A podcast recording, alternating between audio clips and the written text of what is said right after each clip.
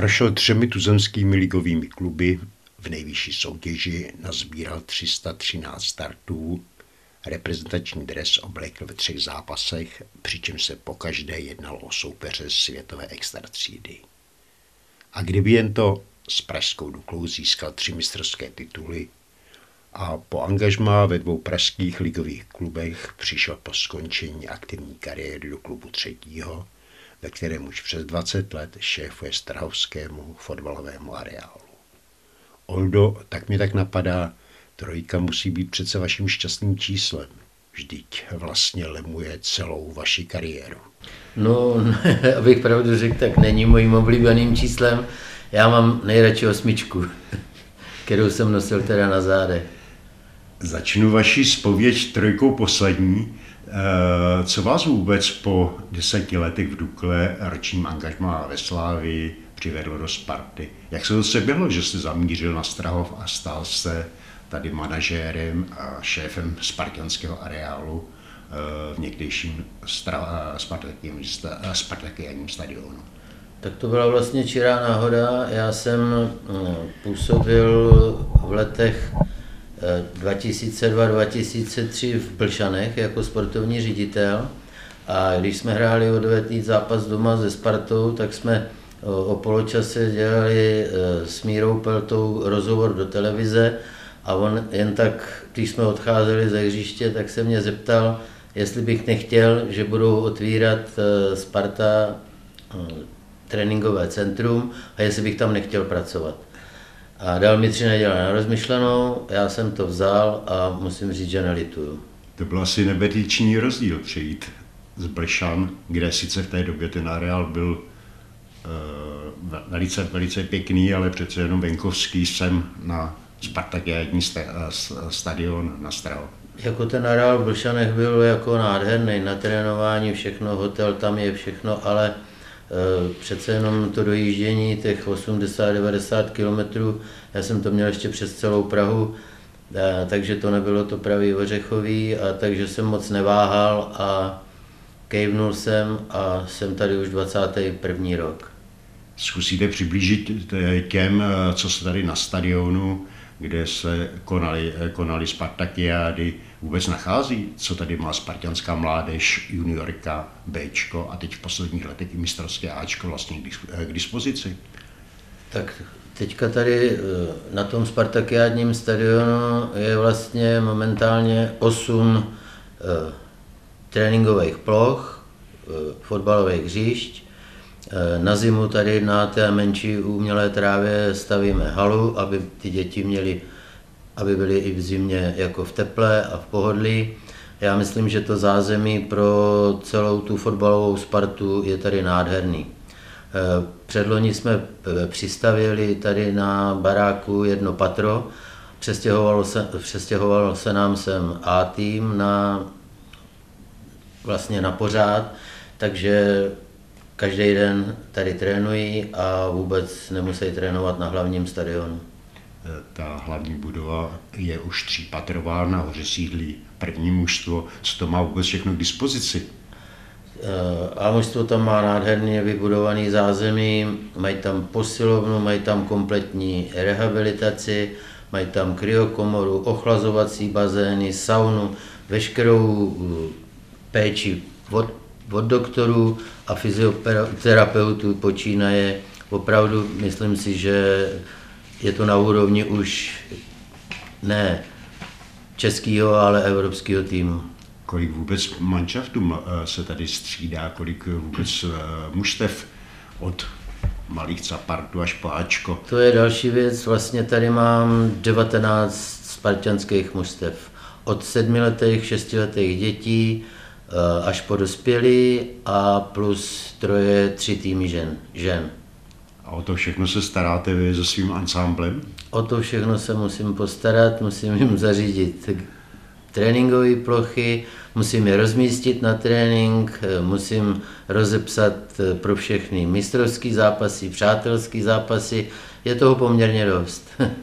Vy jste se zmínil o té poslední modernizaci, o té poslední rekonstrukci, která tady proběhla tuším před dvěma lety a která stála pomalu 100 milionů korun. Strahovské centrum je tedy na, skutečně na evropské úrovni. Je tady vůbec ještě co vylepšovat?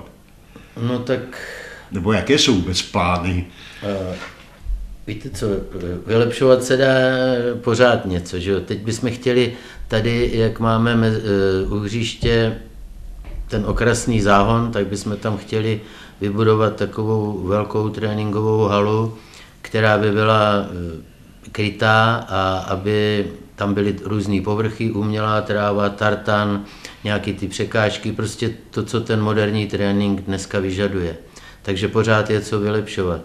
I když tady máme už pískový kurt, máme tady vytěžovací plochu pro tréninky brankařů, jak jsem říkal, na zimu děláme velikou halu, která má 75 metrů na dílku a 56 metrů na šířku, eh, vytápěná, takže podmínky na trénink si myslím, že spartianský mužstvo mají výborno, výborný. do kolik lidí vůbec máte pod sebou? O kolik lidí se o tento areál stará? Přímých lidí pod sebou mám sedm, to jsou ty údržbáři, trávaři a tyhle, ale jinak se tady kolem mě pohybuje takových 80-90 lidí, když nepočítám děti a hráče. To znamená trenéři, eh, doktoři, fyzioterapeuti, kondiční trenéři, je to hodně lidí. A odpoledne, eh, když se sejdou děti po škole na trénink, tak se tady pohybuje tak 250 až 300 lidí každý den. Tak to musíte být v jednom kole a někdy hlava jako pátrací balon, ne? Hlavu mám jak pátrací balon každý den, to je pravda, ale zatím to zvládám, takže dobrý. Když jsme narazili na mistrovské Ačko, co trenér Priske? Přál si nějaké vylepšení nebo uh, změnilo se tady něco s jeho příchodem? Přišel s, s nějakými novy? Tak on přišel vlastně už do toho přistavěného, takže vlastně prostory pro to Ačko už byly vylepšeny předtím, než přišel, takže si myslím, že v podstatě byl spokojený se vším. Nejvíc asi je spokojený s tím, že máme eh, jedno travnaté hřiště vyhřejvaný, protože chce udržet jako by to Ačko i v zimě na přírodní trávě.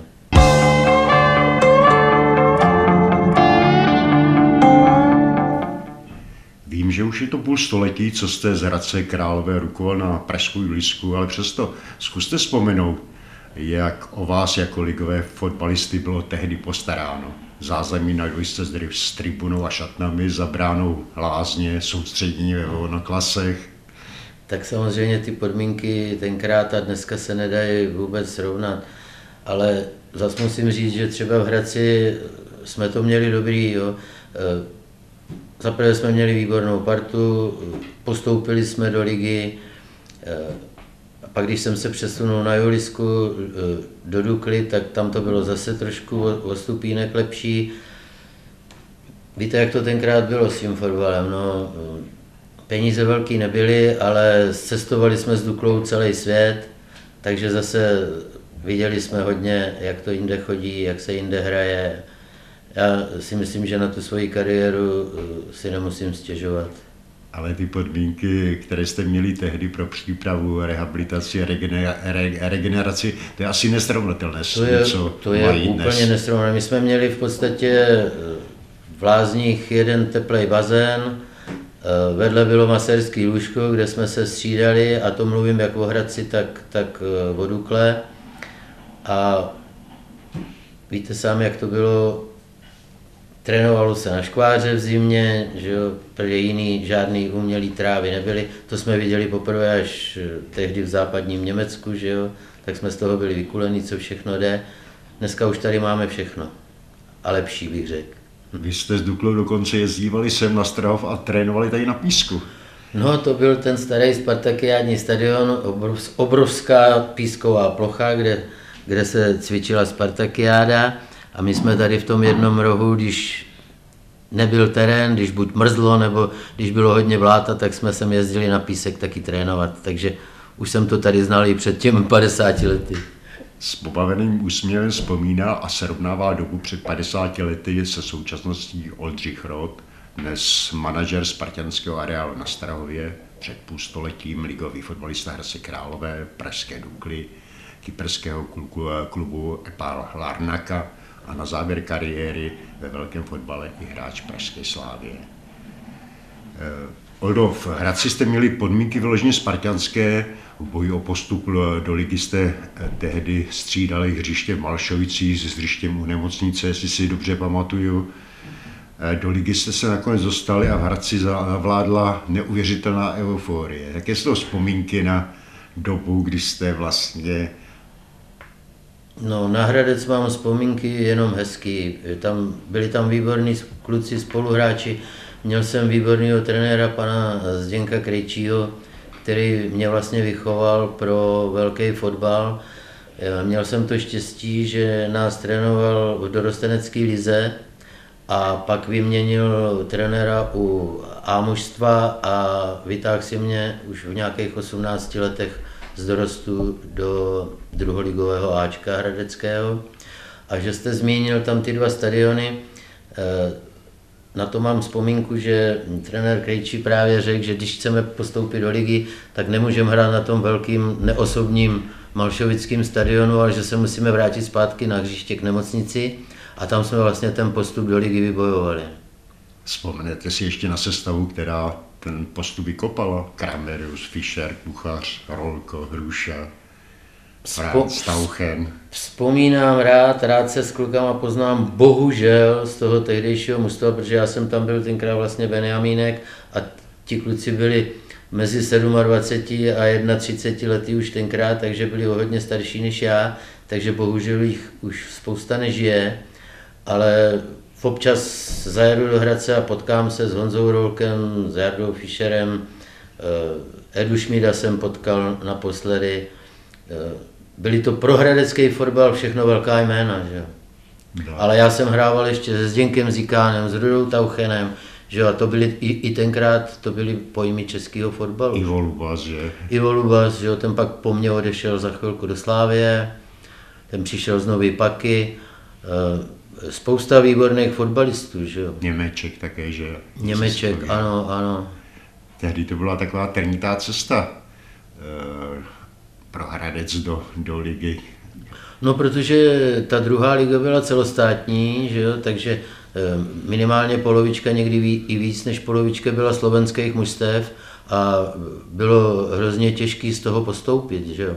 Protože takový zápasy v Michalovcích a nebo v Bardějově a v Prešově, to teda jako stálo za to, to, to bylo o život. Tam se hrálo pěkně od, Tam se hrálo z Ostra, tam se hrálo z Ostra. A vejlety eh, na tyhle zápasy už v té druhé lize, to by bylo hrozný. My jsme vyjížděli eh, v pátek v 10 hodin večer, já to pamatuju si to dobře, v pátek v 10 hodin večer jsme vyjížděli vlakem z Pardubic na východ Československa tehdejšího a vraceli jsme se eh, v pondělí v 5 hodin ráno, taky vlakem, rovnou na rehabilitaci a na nějaký malý trénink, takže to byly třídenní výlety na jeden mistrovský zápas. Pro dnešní generace asi něco nepředstavitelné. Absolutně nepředstavitelný. A hlavně to už se jí změnilo pak s Duklou, že jo? Tohle jsme, my jsme to všechno lítali, takže to už bylo úplně o něčem jiným. Tak ta cesta Hradce eh, do ligy byla trnitá i protože tam, tam vás posílala taková tragická událost. Tam v zápase v Martině eh, zemřel, zemřel Václav Opel, golman nadějný. Ano, to byla, to byla strašně smutná věc, kterou jsem se zaplať pámbu v dalším fotbalovém životě už nikdy nesetkal. Hráli jsme v Martině skoro nějaký rozhodující zápas o postup Lilo jako z Konve a Venca Opelt tenkrát asi tři minuty před koncem eh, vybíhal ve vápně, jak bylo mokro, chytil míč a sklouzával se a nešťastně se srazil tenkrát, jestli si to jméno dobře pamatuju, eh, s Hruškou, jmenoval se Hruška ten hráč. A bohužel nějak mu utrhli, utrhnul srdeční chlopeň. A asi za den a půl Venca zemřel. Ve 23 letech, měl tenkrát asi rok a půl holčičku. Byly to hrozný chvíle. Smutný příběh. Na to konto nám tenkrát právě Sparta pomohla, že nám půjčila eh, Tondu Krameriuse už tenkrát jako by starýho golmana, který nám vlastně pomohl tu druhou ligu dohrát a, a postoupit do té ligy. Tam bylo zajímavé i to, že on přišel mimo přestupní termín. Ano, ano, to byla výjimka. Tam... Tenkrát z toho fotbalového svazu, že to povolili po té tragické události, a aby jsme měli brankaře na úrovni a mohli postoupit do ligy. Odo, zažil jste někdy větší slávu a euforii než po hradeckém postupu do ligy a prvním zápase se Spartou? To ne teda, ale už hlavně ten postup, že jo, když jsme hráli poslední zápas druhé ligy s Pardubicema, eh, tak prostě já nevím, 33 tisíc diváků, tak nějak se tam vešlo na ten všesportovní stadion, tak nabito a pak obrovský průvod Hradcem, eh, celý Hradec v euforii, že, jo, že se postoupilo, no a pak los a na první zápas přijela Sparta, že takže to bylo Slávě. Znova vyprodáno, že jo. To bylo... Já jestli můžu svoji vzpomínku, pro mě to byl zápas dost nešťastný, protože Venca Migas... Migas zlomil nebo zlomil nějaký... Uh... Ano, zlomil mě asi 10 minut před koncem čtyři zanártní kůstky a vlastně dva měsíce jsem, celý, skoro celý podzim jsem nemohl hrát. To jsem se právě chtěl zeptat, že to byl takový smolný vstup do ligy, obrovská euforie, 32 tisíc diváků na a já, jezdil, a já jezdil ze sádrou na noze se dívat jako, jako divák. No, bylo to pro mě smutný, ale, ale každá tahle ta skutečnost, co se stane, tak, tak vás ocelí, takže nic se nedělá. Tenhle výlet do minulosti je půl století vzdálené jen pro začátek. Pro připomenutí, že cestu eh, k fotbalové slávě si Oldřich Rod začal prošlapávat v Hradci Králové. V roce 72 s ním postoupil do nejvyšší soutěže, aby po ročním extempore v Lize otroci ligy spadli a Oldřich rukoval na vojnu na, na Julisku. Samozřejmě, že v Dukle už zůstal a zůstal tam 10 let, aby v drezu vojáků získal tři mistrovské tituly a dvakrát slavil triumf v československém poháru. Zahrál si v něm čtvrtfinále někdejšího poháru UEFA proti Hertě Berlín, dostal se do reprezentace, se, se kterou odehrál zápasy s Brazílií, Německem a Španělskem, ale dostal se do, i do olympijského výboru, eh, výběru, s nímž vyhrál fotbalový turnaj pod pěti kruhy v Moskvě, odkud si přivezl zlatou medaili. Těch úspěchů, triumfů, prvenství, medailí je ve vaší kariéře spoustu. Měl bych přidat třeba ještě bronz z mistrovství Evropy v roce 80 v Itálii, i když, i když vy sám samozřejmě namítnete, že se si tam tehdy nezahrál ani minutu.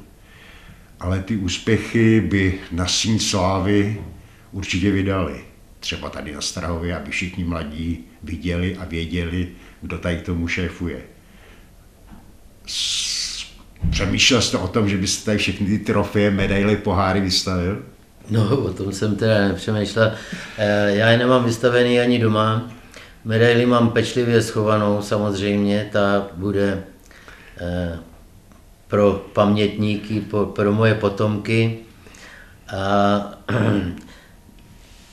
ale abych vystavoval tady nějaké věci, to ne. Samozřejmě, když mě tady některý, nějaký, nějaký trenér požádá, a abych přišel před kluky mladý zavzpomínat, tak se tomu nikdy nebráním, aby nějaký příklad tady měli. O čem časy vyprávíte? Tak spíš zaspomínám na ty staré časy, spíš se jim snažím zdůraznit, co to stojí úsilí a tréninku, aby se člověk někam dostal. A oni to mají všechno před sebou, tak se jim snažím ukázat cestu, že bez tvrdé práce se nikam nemůžou dostat onu zmíněnou zlatou olympijskou medaili jste jim taky ukázal, nebo jim taky občas přinesete ukázat? Taky už jsem jim ji tady ukazoval, ale jak říkám, jenom když mě některý z těch trenérů požádá, tak vždycky rád vyhovím a přivezu ji ukázat. Bylo to olympijské zlato to nejvíc ve vaší kariéře, čeho si nejvíc ceníte a nejvíc považujete? Určitě, určitě, protože jestli můžu zaspomínat, tak Jenom ta cesta, než jsme se na tu olympiádu dostali, že jo? my jsme museli vlastně vyřadit Bulharsko, museli jsme vyřadit Polsko a Maďarsko, aby jsme si vůbec vybojovali cestu na olympiádu. A když jsme tam jeli, tak jsme ani nepřemýšleli, že bychom mohli nějakou medaili získat, protože jsme věděli, že to je ještě dlouhá cesta. Že jo? Takže my jsme museli zvládnout šest zápasů doma venku v té kvalifikaci, pak jsme jeli do tehdejšího Leningradu, dnešního Petrohradu, tam byla naše skupina, tam jsme museli překonat vlastně čtyři soupeře, než jsme dorazili do Moskvy na semifinále z Jugoslávii. Byla ta cesta na olympijský turnaj těžší než samotný turnaj? Já si myslím, že jo. Já si myslím, že ty, ty dvojzápasy s těma vyjmenovanýma manšaftama, že pro nás byly hrozně těžký, všechno to bylo o gól, 1-0, 0-1, 3-2, rozhodující zápas tady na Strahově s Maďarskem. Eh, obrovský těžká cesta se tam vůbec dostat.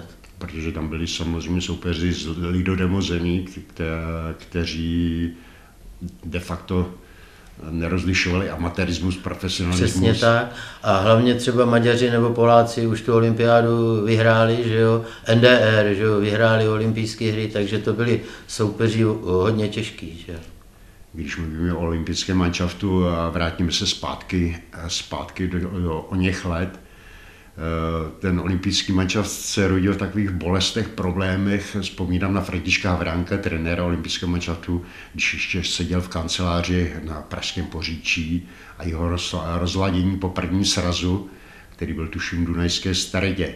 Z ligových klubů mu chodila jedna omluvenka za druhou, takže tehdy se rozhodl, že mužstvo postaví z hráčů Dukly, Brna, Ostravy, doplní několika jednotlivci eh, z ostatních oddílů kteří byli ochotní za olympioniky hrát a ono to fungovalo, ten manšaft. Fungovalo, já myslím, že tenkrát se Havránkovi podařila jedna úžasná věc, že to postavil spíš na takové ty sehranosti a kamarádství, e, že jo, nás tam bylo šest z Dukly, e, tuším, že pět jich bylo z Ostravy, e, tři Brňáci a dva kluci, Pokluda z Teplic a dva Slováci, že jo, brankář Semán a Konzo z Bánské Bystrice. Ale všechno mu to zafungovalo, doplňovalo se to. My jsme vlastně eh, v těch eh, rozhodujících zápasech hráli Duklácká záloha, že jo, eh, Rod, Berger, Štambacher, vepředu Láďa Vízek, vzadu to tvrdil Luděk Macela, musím vypíchnout Ostraváky, že jo, výborní kluci, Libor Radimec, Zdeněk Rigel, eh, Brňáky, Mazura, Václavíček, takže dobrá parta a víte, jak to je, ono, samozřejmě se pak mluví o tom dobrá parta, ale ona se stmeluje vždycky až dobrýma výsledkama.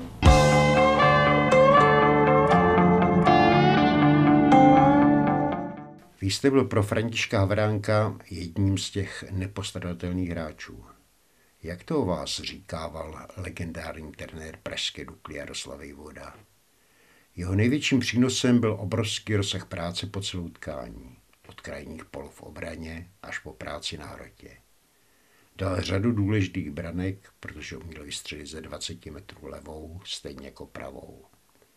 Nejvíc jsem si ho ale vážil pro stále vyrovnanou výkonnost, pro spolehlivost, se kterou dokázala hrát po řadu let bez větších výkyvů. Patřil prostě k typu hráčů, jako byli Košťálek, Kolský, Vacenovský a ti jsou pro trenéra nejdůležitější. Oldo, jak se vám po takových letech poslouchají slova Jaroslava Vejvody? No samozřejmě tu knížku od pana Vejvody doma mám a z mýho pohledu eh, to byl na, tu do, na svoji dobu velký trenér a velký odborník, rozuměl fotbalu a on věděl, že nebo vštěpoval nám v kabině vždycky, že nemůže být sestavený mužstvo, dobrý mužstvo jenom z hvězd a vynikajících fotbalistů. Že každý ten hráč na tom svém postu tam musí dát tu svoji přednost. No a moje přednost byla ta, že jsem běhal 90 minut, že jo? měl jsem dobrou fyzickou kondici, uměl jsem dát i gól z té zálohy a myslím si, že i Vejvoda to takhle ocenil. No. A já si to nesmírně vážím, jeho slov. Pracoval jste jako pilná včelička, která byla pro mančat nepostradatelná. No jo, to mě nazval takhle asi Franta Černoch, bývalý novinář československého sportu, že jo. Pamatuju si to.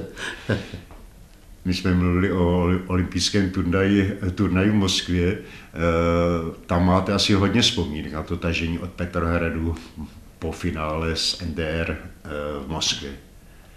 Určitě v tom Leningradě nebo dnešním Petrohradu, tam si vzpomínám na to, jak jsme nemohli spát, protože tam jsou ty bílé noce, vlastně celou noc, celou noc bylo světlo, že jo. Tak jsme měli problémy vlastně s aklimatizací, aby jsme se trochu vyspali. A pak si vzpomínám na ty procházky, když, když jsme, musím říct, společně s Havránkem dělali, dělali sestavu. Já myslím, že někde na to Honza Berger vzpomínal, když před, fina, před, eh, ne, před eh, čtvrtfinále mu napsal do písku klackem sestavu a ono opravdu druhý den se tak hrálo, ale to je, to je takový úsměvný, samozřejmě on si to zhodnotil sám. Že? Ale vzpomínek je tam spousta třeba po o tom, jak vám eh, tehdejší první muž tělovýchovy Antoní Himmel po vítězství, vítězství ve finále naservíroval několik baspiv a měl starost o to, aby bylo něco pro Imru Bugára, který házel diskem o den později, aby to mohl zapít a oslavit. Velký, velký oslavy v olympijské vesnici, to, to, to jsme si uspořádali sami samozřejmě i s těma našima představitelama a druhý den, tuším, po finále eh, byli všichni olympijští vítězové pozvaní do Kremlu, kde byli samozřejmě ty ruský bývalí bafoňáři, včetně Brežněva. A jednu z toho takovou úsměvnou, tenkrát se řešilo, co s Honzou Bergerem, takže víme, že to byl klouzek, že jo, tak mu koupili nějaký pivo, aby zůstal v olympijské vesnici, aby nebyla nějaká ostuda v samotném velkém Kremlu, že jo ale oslavy byly veliký, to jako jo. Vím, že Honza, Honza sám vyprávěl, že ho lidi Pacela zamknul, zamknul na pokoji. Honza byl svým způsobem velký expert na tyhle ty oslavy, tenkrát, dneska už je úplně jiný, že jo.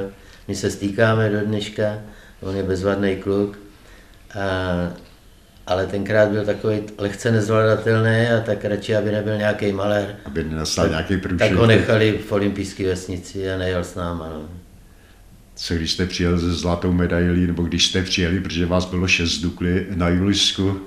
My jsme, my jsme vlastně přiletěli s nějakým tenkrát 6 hodinovým spožděním, takže eh, na letišti v Moskvě v Šerementěu jsme pokračovali v oslavách, takže jsme přijeli eh, lehce rozevlátí do Prahy, přiletěli, ale tenkrát to bylo tak, že nebylo na dlouhý oslavy čas, protože už zase byla příprava na novou sezonu v plném proudu, takže my jsme se doma v podstatě jenom ohřáli, pozdravili manželky a přítelkyně a druhý den ráno jsme nastupovali do vlaku směr Holandsko, kde byla Dukla na soustředění.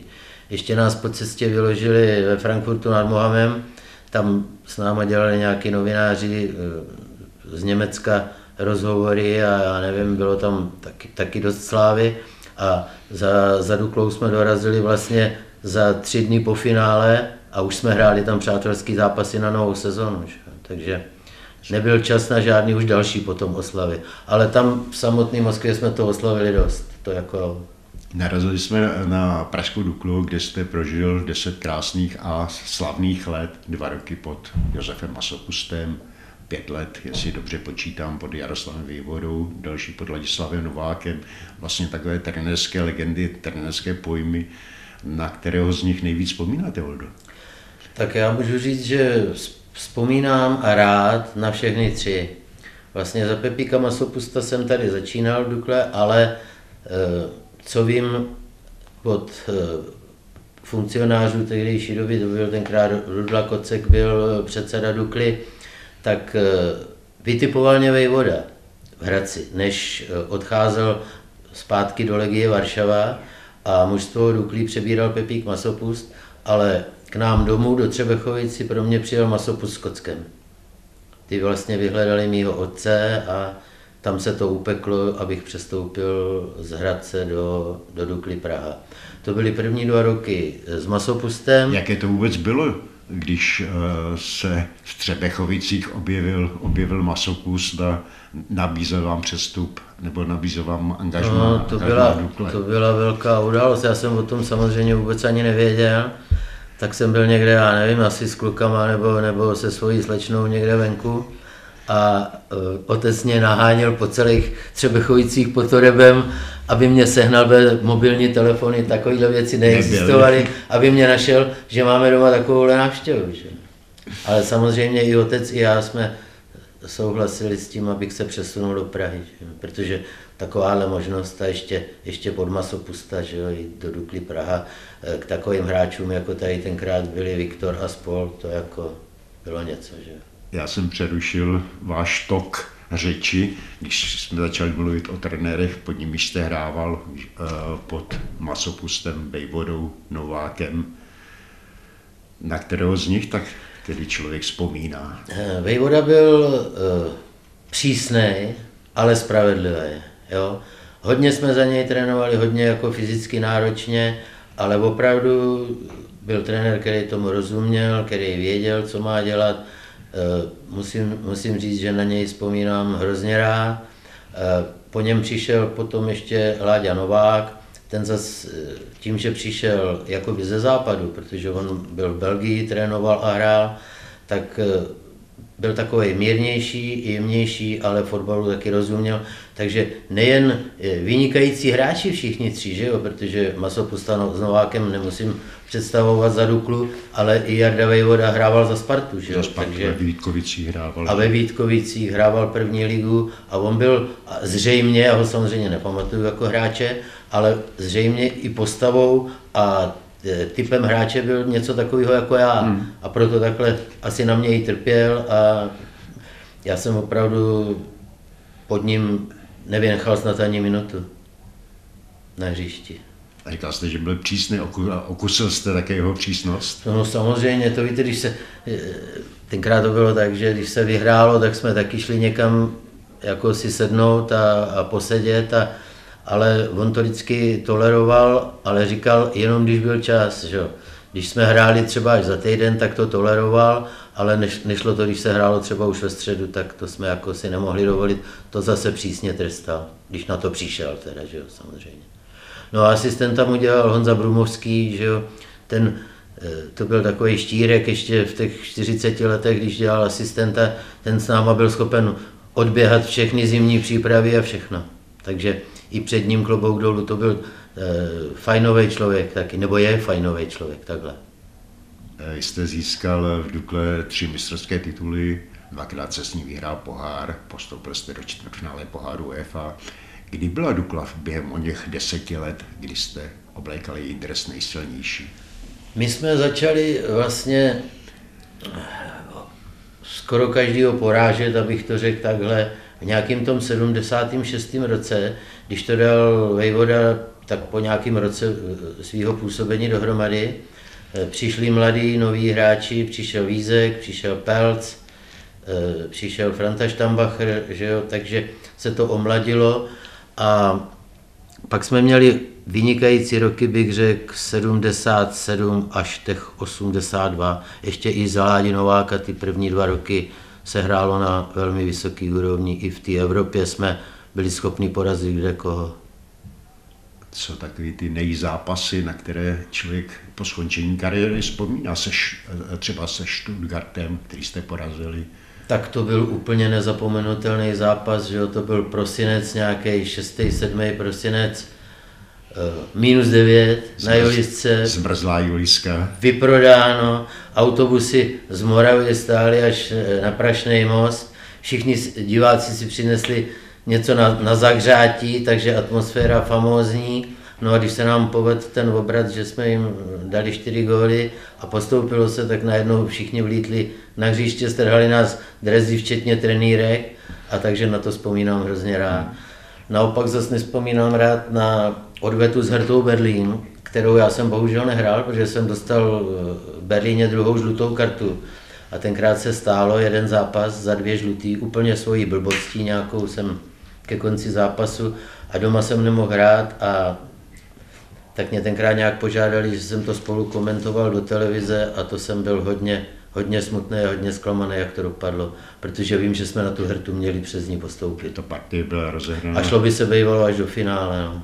Ta partie byla rozehraná skvostně. A... Už tam jsme měli vyhrát, že jo? tam jsme remizovali jedna jedna, ale měli, bylo to tam tak na 3-1 pro nás, neproměnili jsme tam nějaký vyložený šance a doma jsme vedli 1-0 a pak se blbě 2-1 prohrál. On. Byl smolný zápas. Smolný zápas. Protože jste opravdu měli mužstvo na to, aby ano. jste šli nejen do finále, ale byste možná i to finále, dalo by se to bývalo, finále vyhráli. S tím mužstvem, co jsme měli, by se to dalo i vyhrát. No. a co třeba vzpomínky na Barcelonu? V dnešní době to zní neuvěřitelně, že jste ji taky porazili. S Barcelonou, jestli si dobře vzpomínám, doma 1-0, vítězství e, za 14 dnů odveta, tak tam nás teda přejeli. Ale oni měli výborný mužstvo, atmosféra na tom tenkrát no camp, dnes je to camp no, že jo? E, já nevím, 110 tisíc diváků a co, co si budeme povídat, Barcelona, jiný, jiný zvuk, takže i rozhodčí nás tam sešlehal pěkně a dostali jsme tam čtyři góly. Ale zápas veliký, to jako atmosféra úžasná. Jsou i takový zápasy, no. Krásný, ale bohužel jsme dostali teda na práskáno. Tam měl tuším nějaké ex, z diváky, tehdy brankář e, Stromšík. Ne, netolička. Netolička, netolička. netolička mám, mám dojem, že tam Protože na něj jako házel nějak eh, něco házeli a mandarinky. on na ně trošku vystrčil, myslím, pozadí. Petr Rada tam také to, to tuším zranili v tom no, zápase. No, no, no.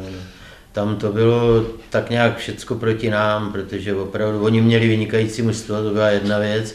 A druhá věc, Eh, tam na nás písknul nesmyslný nějaký trestný kop, z kterého jsme hnedka dostali gol, pak penalta, prostě všechno proti nám. Dneska tohle zní jako pohádka eh, z tisíce jedné noci, porazit Barcelonu, vyřadit Stuttgart. No a to jsme, že jo, hráli eh, na těch zájezdech různých, jak jsem už zmiňoval, že jsme si jezdili s Duklou celý svět, tak jsme hráli s Realem Madrid, hráli jsme s Fluminense Rio de Janeiro, Eh, prostě s mužstvama světových, světových eh, jmén a dokázali jsme je porážet. Že? Máte nějakou vzpomínku na takový to prestižní nebo, eh, nebo tak, na zápas s takovýmto soupeřem? No, třeba zrovna s tím Fluminense to byl, tuším, turnaj ve Španělsku v La Coruně, kde jsme vyřadili, to byly vždycky takový ty turnaje čtyř mužstev, jakoby hned semifinále a pak finále, tak jsme vyřadili 4-2 Real Madrid, postoupili jsme do finále a pak jsme prohráli s Fluminense Rio de Janeiro. To bylo tenkrát s Rivelínem, eh, teď nevím, jak se jmenoval ten pravý obránce Blondiák, taky úžasný jméno brazilský.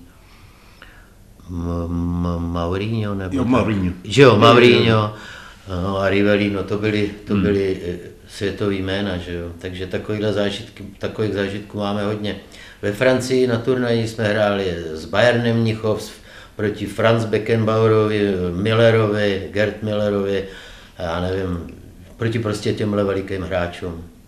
A musím říct, porazili jsme 2-1. Když se díváte na současný fotbal, takové dopisá se už nikdy nevrátí.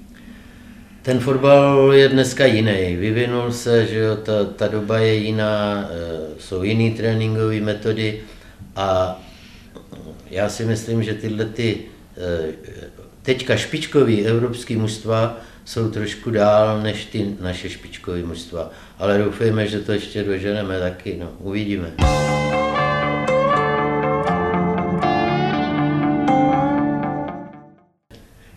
Když, eh, když už jsme u těch vzpomínek, vy jste si zahrál velké zápasy i za reprezentační Ačko proti Brazílii na Maracana, na Maracana v Rio de Janeiro, kde tam nastoupili Zico, eh, Zemária, Roberto v sestavě. To byl vlastně můj první zápas za národní mužstvo hned na Maracana. To víte, to byl pro mě úžasný zážitek to asi nic jiného, nic většího ani nemůže být, než hrát na Maracana v Brazílii. K té Brazílii mám ještě další vzpomínku, pak jsme tam byli někdy v 78. nebo 9. tuším 79. na skoro měsíčním soustředění s olympijským mužstvem a slítali jsme eh, přátelský, eh, na přátelský zápasy v podstatě celou Brazílii, od jihu až na sever a sehráli jsme tam asi v 8 nebo 10 přátelských zápasů, takže to je taky úžasná vzpomínka, protože to byly mužstva jako Porto Alegre a, a já nevím, eh, tyhle ty Fluminense a prostě velký São Paulo, že všechny tyhle ty velké mužstva. To bylo pod trenérem Havránkem? To bylo pod trenérem Havránkem. Eh, ještě k Havránkovi bych se vrátil, že měl asistenta Frantu Cermana, a k němu takovou jednu zajímavost, že to byl vlastně můj spoluhráč v Hradci Králové. Taky výborný kluk, bohužel už je taky ve fotbalovém, ve fotbalovém nebi, ale takže jeho jsem znal z Hradce Králové. Vy jste si Oldo taky zahrál proti Španělsku eh, s Arconádou v sestavě Boské, Santilána. Zahrál jste si proti ně, německé reprezentaci s Bonhofem, Rumenigem, Alofsem. To bylo za, za trenéra Vengloše, tuším už. To bylo za trenéra Vengloše. Já jsem toho za to a, a mužstvo eh, Československa moc nezahrál, že jo. Tenkrát byl vlastně trenér Vengloš, který to vzal po Ješkovi a ta konkurence tady v republice byla obrovská, jo. Eh, on měl ve Slovanu Bratislava sám Vengloš eh, asi sedm reprezentantů a bylo hrozně těžké se tam dostat. V té Nevím. V té záloze. V té záloze velká, velká konkurence, velká konkurence a hodně, hodně velkých hráčů tenkrát prostě reprezentovalo Česk- Československo a bylo těžké se tam udržet. O to víc si právě vážím toho, že jsem se dokázal prosadit v tom olympijském mužstvu. Vy jste po skončení eh, angažmá Pražské Dukle odešel na Kypr. Ano. Kde předtím působili trenéři Havránek, Cerman, který tam udělali českému nebo československému fotbalu. A Sváťa Pluskal. Sváťa Pluskal, eh, velké jméno. Eh, jak se vůbec zrodilo to angažmá? No, to byla A taky... proč zrovna Epa Larnaka? To byla víceméně náhoda, že jo. Tak mě bylo už 32, tenkrát to tak bylo, že nás pouštěli ven jenom vlastně po 32. roce ještě musel mít člověk reprezentační starty a ještě musel mít x eh, startů v lize. A takže v podstatě na konci kariéry, tak já jsem už věděl, že už dlouho tady v té Dukle třeba tu ligu hrát nebudu. A tenkrát tam šel eh, trénovat do Larnaky Mario Buzek a ten mě oslovil a já jsem na to kejvnul a to, tam byl tenkrát na tom Kypru ten fotbal ještě hodně v plenkách takže eh, já, já to nazývám jako svoji velkou roční dovolenou, protože vlastně celý eh, den jsem byl s rodinou na pláži a večer v 6 hodin jsem šel trénovat. Šel zatrénovat. A... a hráči se sjížděli z různých svých zaměstnání, protože to byli rizí amatéři, takže jeden přijel ze štaflí, špinavý, maloval, druhý byl nějaký, já nevím, dělník jiný profese, jiný dělal bance jeden, co si vzpomínám, měl sportovní krám. Prostě ty kluci byli rizí amatéři. Vy jste tam byl tehdy sám? Ne, byl jsem tam s manželkou a se synem. Akorát dceru jsme museli nechat doma, protože ta dělala krasobruslení a vybrala si to, že chce být s babičkou a s dědečkem doma, že chce, po, chce pokračovat jako v tom krasobruslení. No. A co česká enkláva tehdy na Kypru? Tam, tam bylo víc hráčů v té já, době. Já jsem měl ve svém mužstvu ještě Zdenka Rigela, s kterým, z Ostravy, s kterým jsme se znali právě z olympijského mužstva. A jak jsem již zmínil, trenérem nám byl Mário Buzek. A toho jsem zase znal eh, tady z mládežnických reprezentací. Oldo, po návratu z Kypru vás lákala Slávě, v jejímž dresu jste završil neuvěřitelnou metu, seral v něm třístý ligový zápas.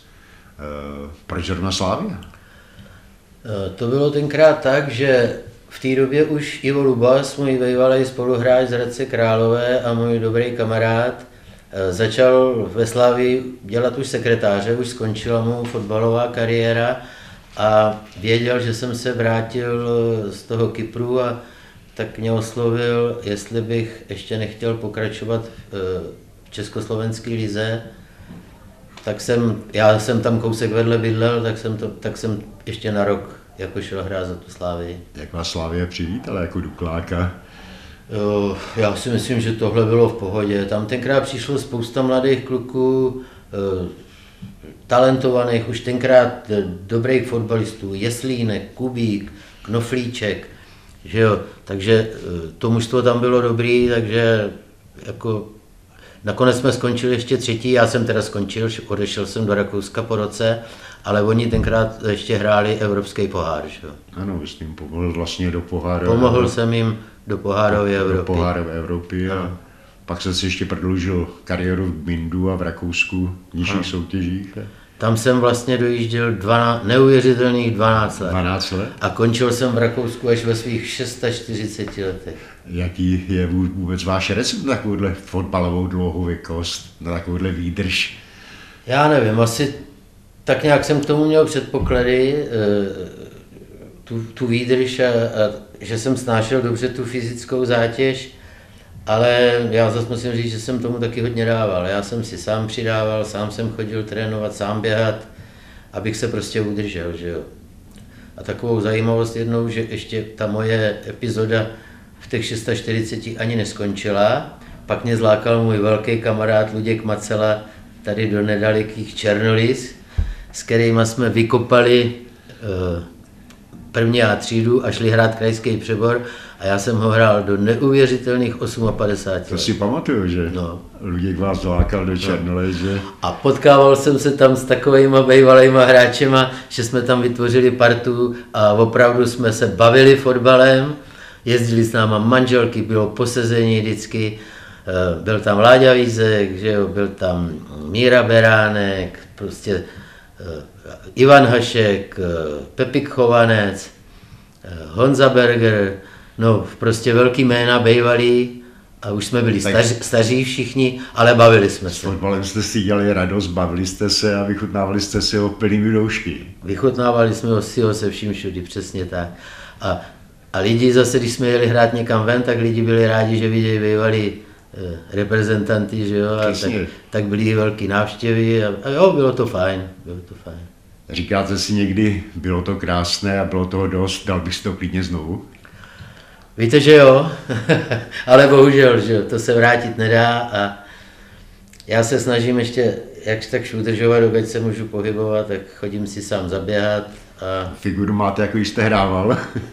ještě občas si jdu s vnukama zakopat, ale už toho není moc. Takže sundáte i kovačky z hřebíku a jdete si zahrát? Ještě jo. Dvakrát, třikrát mě Honza Berger zláká za nějakou tu jeho starou gardu, že si jdu zahrát ale jak říkám, eh, tím, že jsem ty víkendy vlastně celý život neměl, že jsem je trávil fotbalově, tak teď už radši o víkendech než fotbal radši na chatu a odpočívat a užívat přírody.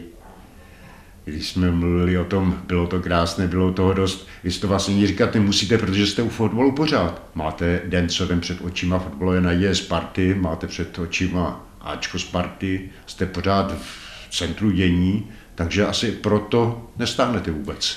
Je to možné, že mě to udržuje v nějaký poměrně dobrý fyzický kondici, protože vlastně já se tady pohybuju mezi samými mladýma lidma a takže nějak si ten svůj věk ani nestačím připouštět. No když jste takhle pořád mezi mladými lidmi, jste tady ve fotbalovém prostředí, nemáte chuť někdy vzít balón a jít si tady vyzkoušet, ukázat jim, co uměl Oldar? Nejradši, nejradši bych vyběhnul, ale já myslím, že už by ze mě měli asi srandu. Až eh, neuvěřitelně rychle se naplnila hodina vyhrazená našemu podcastu Kopačky na hřebíku, přitom vzpomínky a vyprávění Oldřicha Rota by, by vyplnili klidně i další hodinu. A vyprávět by mohl nejen o minulosti, ale i o současnosti, o tom, eh, co ve Spartianském tréninkovém centru den co den zažívá, s čím se setkává, jak se dívá na dnešní fotbal, dnešní hráče. Ale to už by bylo pro jiný pořad. Takže pro tentokrát Oldo díky za povídání, ať vám fotbal a práce ve Stravském Spartianském centru přináší dál jen radost a pohodové dny. Vždyť s fotbalem a mezi mladými se přece nestárne. Děkuju moc a musíme si přát jenom to zdraví.